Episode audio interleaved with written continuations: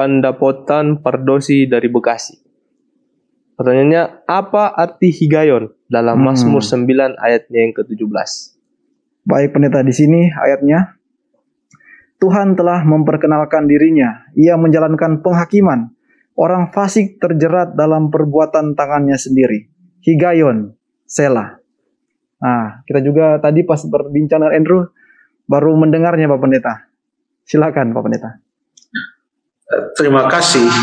Uh, kalau Sela itu sering kita temukan dalam kitab Mazmur, tapi kalau Higayon mungkin hanya satu kali atau dua kali. Saya juga coba cek di beberapa Bible Dictionary yang menerangkan tentang arti Higayon ini. Ya, Higayon ini adalah merupakan salah satu tanda musik lagu di mana pada saat ada kata higayon, maka itu katanya adalah merupakan suatu saat di mana yang menyanyi atau yang membaca kitab Mazmur itu boleh berhenti sejenak, ada jedah dulu, lalu kemudian itu digambarkan juga oleh Selah, tetapi higayon ini berhenti sejenak untuk merenungkan kata-kata yang baru saja diucapkan atau sajak yang baru saja dinyanyikan. Jadi apa artinya higayon? Ya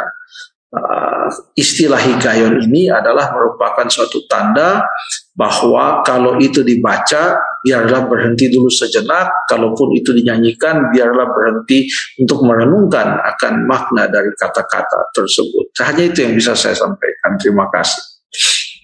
Baik Pak Pendeta. Um, sepertinya masih bisa sekali. Satu pertanyaan lagi Pak Pendeta. Sebelum kita akan mengakhiri um, program tajam kita pada episode kali ini. Pertanyaan selanjutnya dari Seputuk. Mengapa di kitab perjanjian lama para tokoh Alkitab terkesan ganas, bahkan Allah ikut berperang dan mengalahkan para musuh bangsa Israel. Sementara di kitab perjanjian baru, Yesus mengajarkan kasih dan tidak membalas kejahatan dengan kejahatan. Silakan Pak Pendeta. Terima kasih. Uh, kejahatan pertama dilakukan ya ini setelah Adam dan Hawa jatuh ke dalam dosa maka di dalam kejadian pasal yang keempat di sana terjadi pembunuhan yang pertama dan itu dilakukan oleh Kain terhadap Habel. Habel persembahannya diterima oleh Tuhan sementara Kain persembahannya tidak diterima oleh Tuhan. Itu kejadian empat. Di kejadian yang keenam sudah digambarkan lagi tentang kejahatan manusia ya di mana pikiran mereka, angan-angan hati mereka semata-mata hanya menghasilkan kejahatan. Hidup mereka bejat dan dunia sudah rusak pada saat itu. Ya, jadi kejahatan bertambah-tambah. Jadi sebelum kita melihat mengapa sepertinya Tuhan Allah menghukum orang-orang jahat, kita harus melihat bahwa memang kejahatan itu bertambah-tambah. Makanya dalam kejadian 6, kejadian 7, kejadian 8, dan bagian awal kejadian 9 menggambarkan tentang keseluruhan peristiwa banjir besar itu atau air bah yang uh, memenuhi bumi dan binasa semua kecuali yang ada di dalam bahtera uh, bahtera tersebut. Lalu kemudian itu memberikan kepada kita suatu gambaran atau suatu latar belakang bahwa kejahatan itu adalah uh, yang sudah dimulai dengan jatuhnya manusia dalam dosa, kejahatan itu terus bertumbuh, terus menjadi-jadi, terus semakin hebat itu kejahatan dan Tuhan Allah harus menghukum. Hukuman yang pertama Tuhan lakukan ya air bah dalam kejadian tujuh, tapi ada juga hukuman yang kedua ya cerita tentang hukuman Allah kepada orang yang jahat yaitu di Sodom dan Gomora di dalam kejadian 18, kejadian 19 disebutkan tentang Sodom dan uh, Gomora Allah menghukum.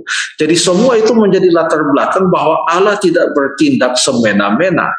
Tetapi karena kejahatan bertambah-tambah dan Allah juga adalah Allah yang panjang sabar, sekalipun ceritanya di Alkitab seperti singkat saja, tetapi semuanya melewati suatu proses waktu di mana Allah yang panjang sabar akhirnya mengambil keputusan untuk uh, membinasakan orang-orang yang jahat. Ini bukan hanya terjadi di perjanjian lama, nanti pada zaman akhir ini menurut catatan Wahyu pasal yang ke-20 saya coba buka kitab saya Wahyu pasal yang ke-20 yang mengatakan bahwa di zaman akhir di akhir zaman setelah kedatangan Tuhan Yesus yang kedua kali setelah seribu tahun setan itu dirantai setelah seribu tahun orang-orang yang jahat itu mati maka di akhir seribu tahun itu apa yang akan terjadi? Di akhir seribu tahun itu dikatakan setan akan memimpin orang-orang yang jahat untuk menyerang kota suci yang turun dari sorga itu. Coba kita baca di dalam Wahyu 20 ayat yang ke-9 dan ayat yang ke-10. Maka naiklah mereka ke seluruh dataran bumi lalu mengepung perkemahan tentara orang-orang kudus dan kota yang dikasihi itu. Tetapi dari langit turunlah api yang menghanguskan mereka dan iblis yang menyesatkan mereka dilempar ke dalam lautan api dan belerang itu. Jadi masih ada hukuman yang akan Tuhan berikan. Tuhan menghukum orang Mesir dengan 10 malapetaka karena mereka telah betul-betul menindas orang Israel dan tidak mau membiarkan orang Israel untuk keluar dari Mesir untuk pergi menyembah Allah masih ada hukuman yang akan Tuhan berikan bagi orang-orang yang jahat. Jadi Tuhan tidak semena-mena. Ia lakukan ini berdasarkan keadilannya.